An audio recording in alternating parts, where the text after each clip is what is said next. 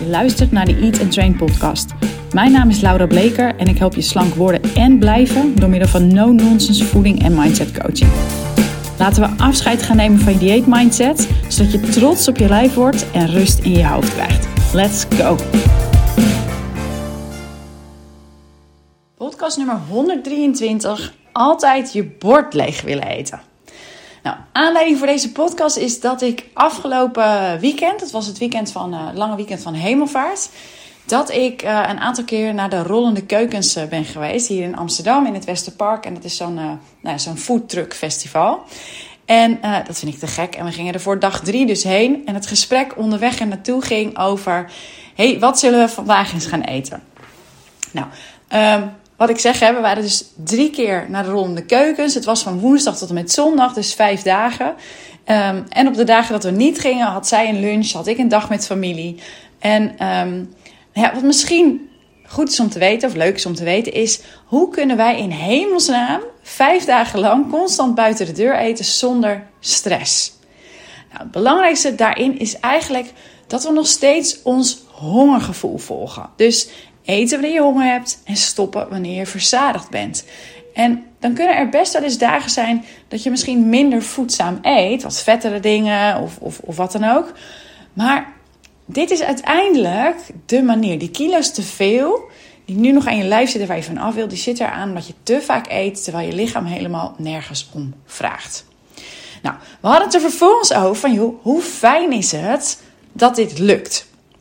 En ik was aan het vertellen dat ik de dag ervoor, dus op die familiedag, uh, een burger met patat had gegeten.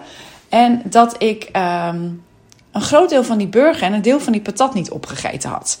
En vooral ook hoe dat jaren geleden echt nooit was gebeurd. Dan had ik mijn bord sowieso leeg gegeten. En ik realiseer me trouwens ook dat je waarschijnlijk nu een beeld krijgt van hè, drie keer ronde keukens en een burger en patat. Um, ja, soms gebeurt dat. Ronde keukens hoeft natuurlijk niet altijd even ongezond te zijn. Ik had op de laatste dag um, uh, vandaag had ik iets met spinazie en kikkererwten en, en iets met anders met een groentestoof. Dus het hoeft helemaal niet per se allemaal gefrituurd te zijn. Sterker nog, we hadden ergens uh, gefrituurde dimsum. En daar hebben we allebei één stukje van gegeten en die hebben we gewoon laten staan. Dus ook joh, als het lekker is, dat bord hoeft niet leeg. Nou, die vriendin van mij waar ik mee was, die herkende dit en we hadden het over uh, dit onderwerp en wat onze redenen, onze eigen redenen waren om uh, dat bord in het verleden eigenlijk altijd leeg te eten. En ook over dingen die ik bij cliënten veel zie voorkomen. Dus de redenen die ik veel bij cliënten voor zie komen. Dus wat ik vandaag wil doen is die redenen met je doornemen. En dan ook kijken naar wat er hier gebeurt in je brein. Omdat als je dat weet, als je dat doorziet, dan wordt het veel makkelijker om dit patroon te doorbreken. En de eerste is opvoeding en sociale normen. Heel veel mensen groeien op met het idee dat het onbeleefd is om, of ondankbaar om voedsel te laten liggen. Dus ze leren dat ze dankbaar moeten zijn voor het voedsel dat ze hebben. En dat ze alles moeten opeten wat, wat hen wordt voorgeschoteld. Nou, die uh, overtuiging die kan enorm worden versterkt door wat de norm is binnen je gezin, of binnen je gemeenschap, of binnen je cultuur ook uh, waarin je bent opgegroeid. En nou, je kunt echt denken aan dus dat je ondankbaar wordt gevonden, bijvoorbeeld door je familie, als je niet eet wat je voorgeschoteld krijgt. En een andere is vanuit geldperspectief. Dus dat het niet oké is om eten te laten liggen, omdat er niet altijd genoeg is. Uh, niet genoeg geld, niet genoeg eten, een combinatie daarvan. Dus als je eten krijgt, dan eet je het. En als je dit zo als kind geleerd hebt, dan is het niet zo gek dat je brein tot op de dag van vandaag nog steeds dat paadje volgt. Maar de vraag die je je kan stellen is: is je situatie gelijk? Ja, zijn je normen en waarden gelijk als toen jij een kind was? Vind jij het bijvoorbeeld onbeleefd om je bord niet leeg te eten? En als dat zo is, vind je het dan niet onbeleefd dat een ander jou dus eigenlijk laat overeten? Ja, met alle gevolgen van dien. En, als, en met gevolgen van dien bedoel ik misschien uh, dat je ongelukkig voelt, dat je overgewicht hebt, dat je niet gezond bent, dat soort dingen. En als geld een rol speelt, is het dan voor jou nu ook nog steeds zo dat je niet zeker weet of je morgen of later in de week wel geld voor eten hebt? Ik vermoed eerlijk gezegd van niet. En twee is voedselverspilling.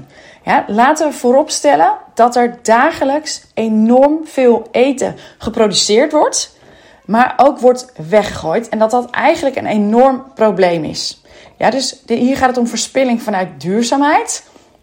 Over dat er kostbare middelen, kostbare arbeid uh, teniet gedaan wordt. En het effect ook daarop uh, op het milieu.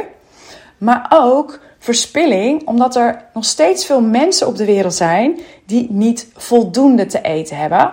En dan uh, is alles wat wij te veel hebben, of, of wat wij weg zouden gooien, dat wordt gezien als verspilling. Nou, um, los van dat dit, dat dit beide een kwalijke zaak is, hè, um, wil ik daaraan toevoegen dat, hoe bot dit ook klinkt, zo bedoel ik het nooit, dat dat of jij wel of niet je bord leeg eet, ja, dat heeft niets te maken met honger van andere mensen. En dat je niet wil verspillen, dat vind ik een hele goede. Maar als dit een aantal keer gebeurt, als dit vaak gebeurt, koop dan minder. Of maak minder. Of bewaar het lekker voor de lunch voor de volgende dag of voor een andere dag als je het in de vriezer doet. Ja, je zal zien ook dat als je je hongergevoel gaat volgen, dat je veel minder eten nodig blijkt te hebben dat je, dan je denkt. Althans, dat zie ik in de praktijk heel vaak gebeuren. Nou, een derde is waardering en respect. Ja, dus het um, leeg eten van je bord kan worden gezien als een teken van waardering en respect voor de kok of degene die het eten heeft bereid. Ja, en um, het kan ook als ondankbaar, dit is een cultureel ding ook vooral, als ondankbaar worden beschouwd om voedsel weg te gooien. Vooral als iemand veel moeite uh, gedaan heeft om dat te bereiden. Nou, dit is, ik zeg al, het is een cultureel ding. Maar ik zie dit ook uh, onder vrienden, vriendinnen, in groepen. Dus dat jij, jij bij iemand gaat eten. Uh, misschien barbecue bij vrienden of wat dan ook. En diegene heeft echt de hele middag in de keuken gestaan. Allemaal lekker boodschappen gedaan en wat dan ook. En jij hebt genoeg gegeten. Maar je wil eigenlijk niet uh, de kok teleurstellen of laten zien van hé, hey, ik heb genoeg, terwijl die ander zich zo heeft uitgesloofd, dat je het dan eigenlijk een beetje lullig vindt. Ja, nou, dat is eigenlijk, nou, in principe heel lief van je. Alleen gebruik je alsnog je lichaam als prullenbak eigenlijk voor het feit dat jij die overtuiging hebt dat je die ander niet wil teleurstellen. Dus jij wil een ander niet teleurstellen. En daarom stop jij eten in je lichaam dat daar niet om heeft gevraagd. Dat kan een keuze zijn. Als jij zegt, daar kies ik vol voor. Dan is dat jouw keuze en dan is het zelf leiderschap om dat gewoon te doen. Um, als je hier achteraf altijd rot over voelt, dan is dit iets waar je iets mee zou moeten. En je kunt bijvoorbeeld bij degene die het gemaakt heeft, als dat een vriendin bijvoorbeeld is, kun je dit aangeven. Gewoon openbreken van hey, je hebt zo waanzinnig je best gedaan. Het is waanzinnig lekker. Ik heb echt genoeg gehad. En ik voel me er vervelend over alsof ik niet mijn best doe. Maar ik hoop dat je het me begrijpt. En misschien krijg je wel een bakje mee. Zou ook nog zomaar kunnen, hè? Hey, en dan het stuk of je dit doet uh, in een restaurant bijvoorbeeld. Of een onbekende die het eten heeft bereid. Dan vind ik het mooi om daar tegenover te, uh, te leggen. Dat er ook bijvoorbeeld mensen zijn die altijd een hap laten liggen. Of een paar happen laten liggen als bewijs dat het... Uh, dat het voldoende was. En dat je uh, waardering hebt voor de chef en dat je ook niet meer eten hoeft. Ja, dus bij, um, bij deze optie ook kan ik me voorstellen dat je hier afhankelijk van de situatie een besluit inneemt. Stel jij bent, uh, en dit bedenk even ter plekke. Stel jij bent op een hele verre reis en je bent bij een exotische stam op visite. En dit is hoe het daar gaat. Dus uh, mensen eten gewoon hun, de gasten eten hun bord leeg. Ja, dat zijn lokale gebruiken. Ja, dan zou ik ook zeker mijn bord leeg eten. Uh, of misschien heb je een demente oma die anders helemaal overstuur raakt. Nee, zonder, zonder gekheid. Als dit is wat je doet, ja, dus je eet, overeet vanuit waardering uh, en respect voor de kok, ja, of dat nou een vriendin is of iemand in een restaurant, onderzoek je overtuiging dan eens. Is het echt respectloos om te stoppen met eten als je genoeg gehad hebt. Is dat echt zo?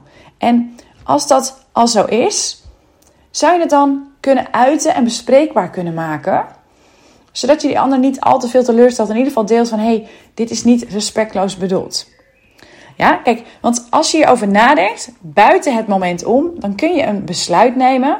En dan kun je in die situatie een volgende keer zelf leiderschap tonen.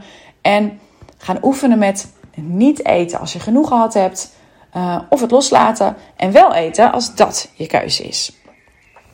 Alright, dan nummer 4. Gezondheid. Er zijn mensen, ik spreek vrouwen, ehm, die heel erg geloven dat, dat het bord leeg eten, of die dat nou ja, letterlijk met de paplepel ingegoten hebben gekregen, dat dat nodig is om een gezond eetpatroon te hebben. Om zo alle voedingsstoffen binnen te krijgen die je nodig hebt. Ja, en dat is um, nou, vooral eigenlijk het geval als er binnen jouw gezin bijvoorbeeld op goede gezondheid gestuurd werd en je moet wel je groente opeten. Ja, dat uh, uit zich vaak in overeten onder het mom van ik moet wel mijn groente binnenkrijgen.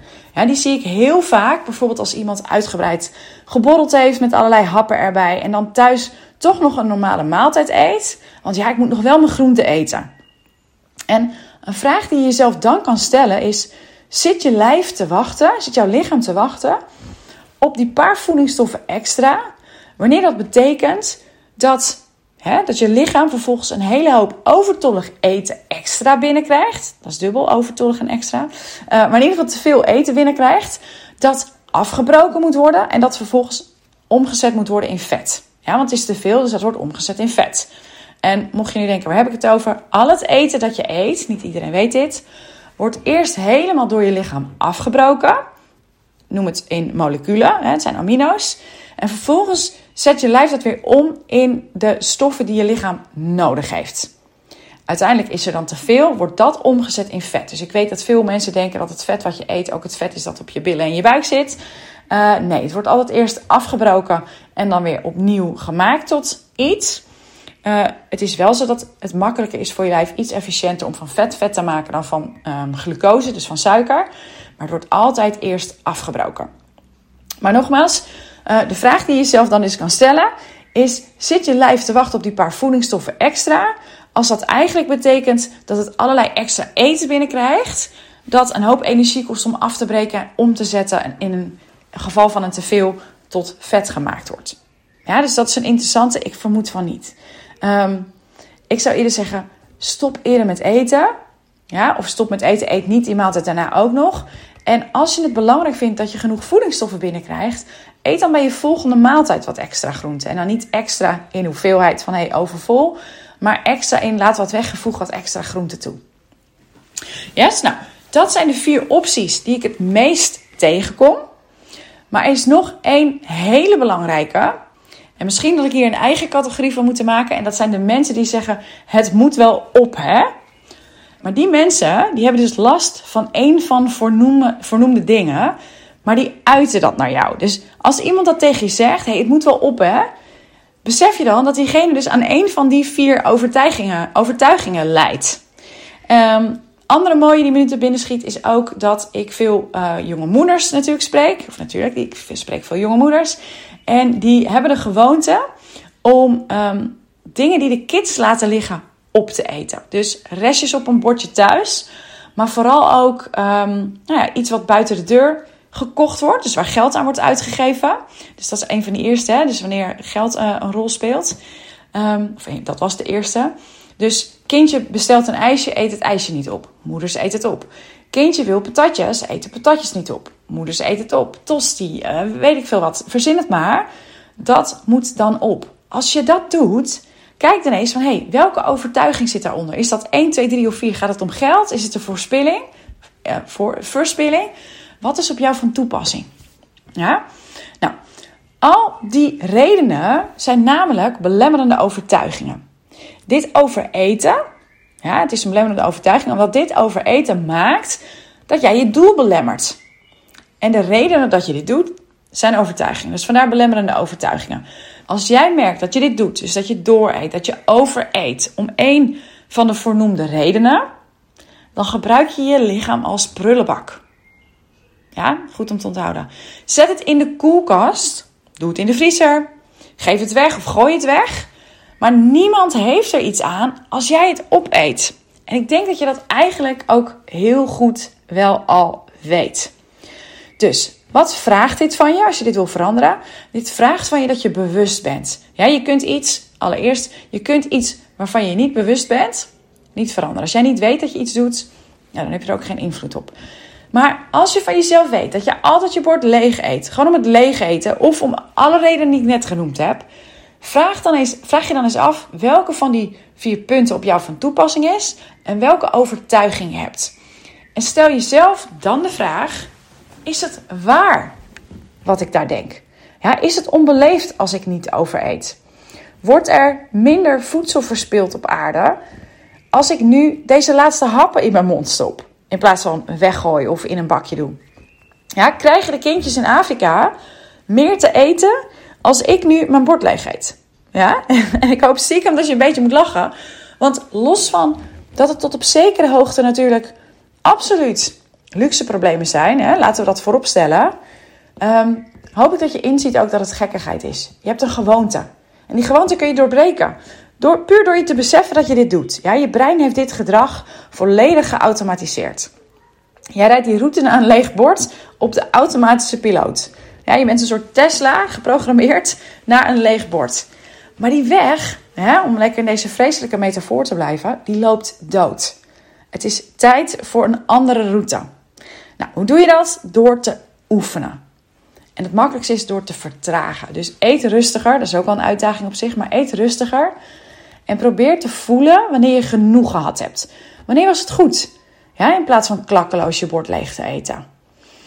Ehm, ik heb trouwens een aparte podcast over hoe het voelt of hoe je voelt of je verzadigd bent. Ik weet het nummer even niet uit mijn hoofd. Als je zoekt op verzadiging of verzadigd, dan vind je hem. Ik zal hem in de show notes zetten. Ehm, maar weet dat als je zonder honger aan een maaltijd begint, je je verzadiging niet kan voelen. Dan kun je alleen vol voelen, omdat de hormonen die dit allemaal bewerkstelligen dan niet hun werk kunnen doen. Nou, dan wil ik er verder aan toevoegen dat je energie wil hebben na een maaltijd.